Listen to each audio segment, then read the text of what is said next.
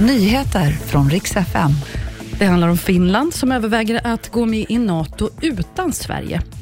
Och så ska det handla om kungen. Han ska genomgå en hjärtoperation i nästa vecka.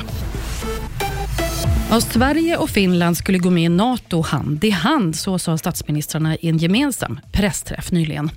Det här verkar inte riktigt gälla längre. Enligt finska tidningar så har länderna nu haft samtal och det kan bli så att om Sverige inte går med, ja, då kan Finland gå med i NATO själv i mars. Idag är det många som har haft problem med att använda SVTs hemsida och app och problemen har kommit och gått under hela dagen.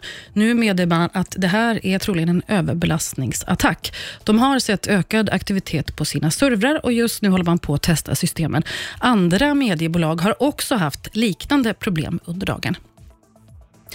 Så ska det handla om Karl den 16 Gustav, om kungen och han ska genomgå en hjärtoperation nämligen. På måndag nästa vecka då kommer kungen att genomföra en titthålsoperation i hjärtområdet.